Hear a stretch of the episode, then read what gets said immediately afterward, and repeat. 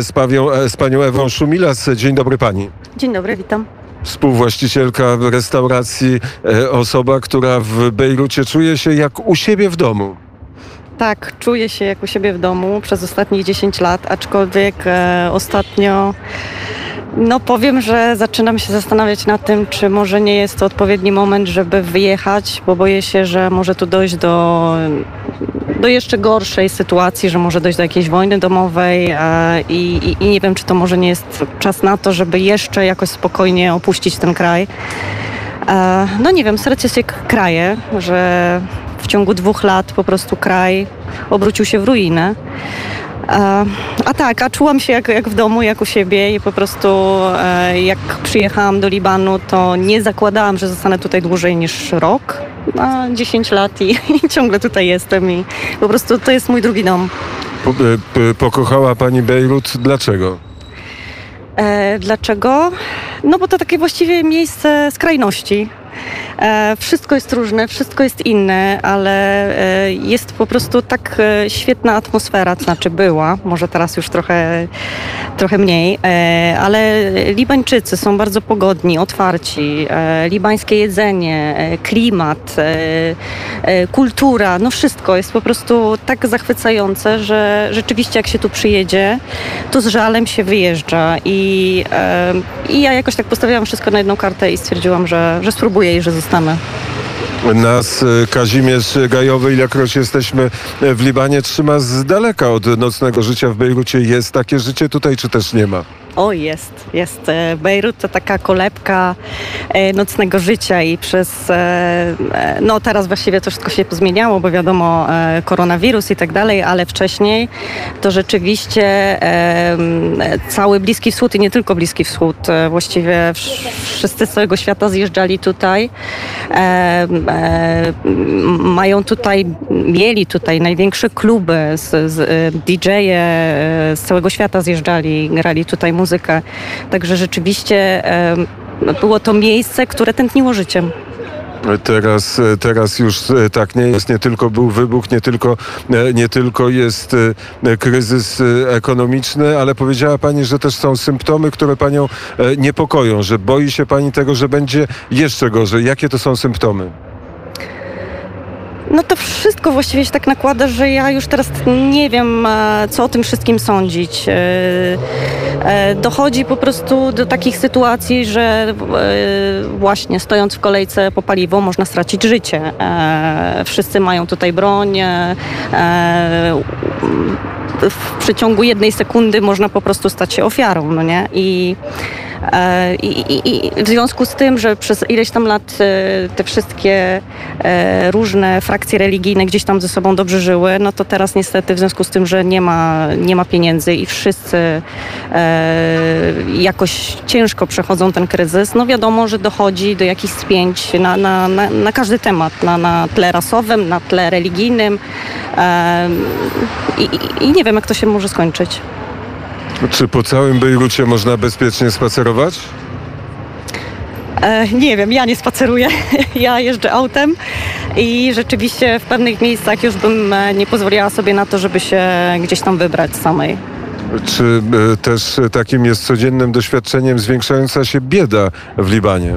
Tak, jest to straszne i rzeczywiście nawet jak się jeździ autem, e, no to widać e, na ulicach ludzi żebrzących.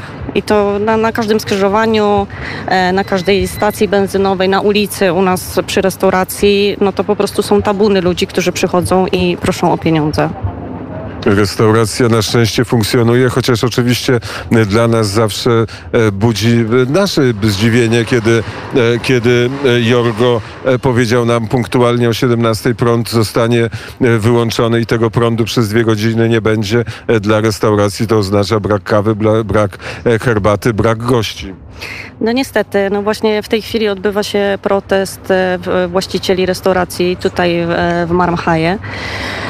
No bo Dzisiaj e, firma, która dostarcza prąd, e, oświadczyła, że e, dzisiaj odcina ten prąd na dwie godziny, a jutro jest w stanie ten prąd dostarczyć do godziny 18, a po 18 po prostu wszyscy powinniśmy zamknąć interes, spakować się i pójść do domu. A czy tak jest, no bo e, restaurację otworzyła pani kiedy?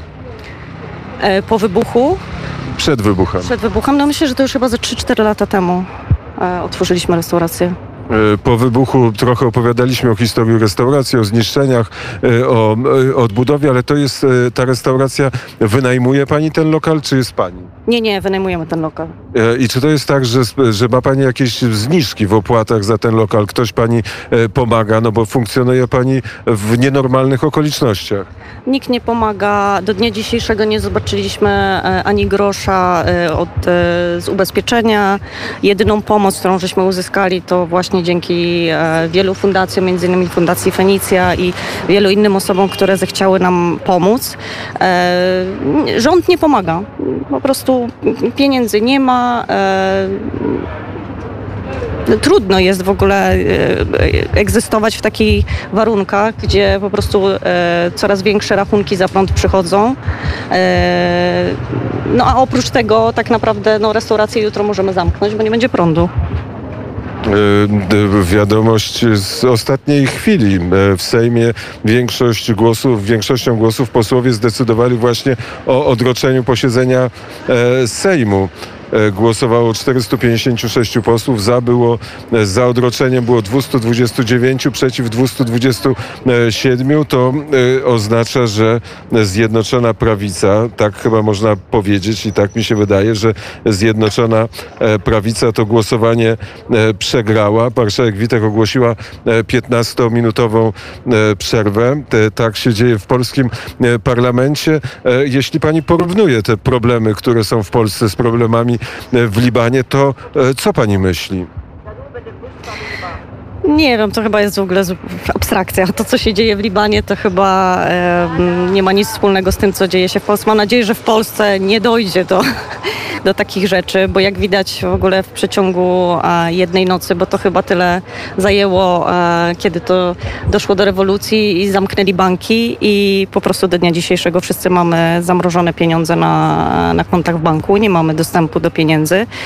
I od tego się wszystko zaczęło, więc mam nadzieję, że nigdy do czegoś takiego nie dojdzie w Polsce czy w innych krajach, bo no ale jak wiadomo w kilku krajach europejskich już doszło niestety do takiego kryzysu ekonomicznego i właśnie wygląda to w taki sposób, gdzie e, tak naprawdę te inne kraje, gdzieś tam, nie wiem, Cypr, e, Islandia i tak dalej, poradziły sobie z tym kryzysem i już po tych trzech latach, że tak powiem, dostały pomoc e, międzynarodową, wprowadziły reformy e, i teraz już s- Właściwie wszystko jest na najlepszej drodze e, do rozwiązania. E, Jakąś tam stabilizację osiągnęli. No a w Libanie niestety nie widać żadnej przyszłości, nie widać e, e, tego momentu, kiedy ktoś podejmie jakąkolwiek decyzję. I być może pani wyprzedzi taką decyzję, zamknie tą piękną restaurację i pojedzie do Polski, do Europy, do Stanów Zjednoczonych? Nie wiem, no. e, Nie, ja chyba już w ogóle e, po, po, po tylu latach spędzonych w ciepłych krajach e, widzę się raczej w ciepłych krajach i zastanawiam się nad przeprowadzką do Grecji. No nie wiem, no cały czas w ogóle przez ten rok e, staraliśmy się, że tak powiem, trzymać to miejsce otwarte i tak dalej. E, Nie wiem, jak długo jeszcze będziemy w stanie e, ten biznes utrzymać. Zobaczymy. Nauczyła się pani tańczyć tak jak tańczą Libanki i Libańczycy? Ale rzeczywiście. I jak to, jak się tańczy? Lewa, prawa i co? No, tak zwane depkę, no to nie, to trzeba by tych chłopaków poprosić, żeby zademonstrowali. E, Może e, jeszcze poprosimy, bardzo serdecznie dziękuję za rozmowę. Dziękuję bardzo. E, Pani Ewa Szumilas, współwłaścicielka restauracji Das Küche, w której gościmy w sercu Bejrutu, była gościem, gościem popołudnia wnet. A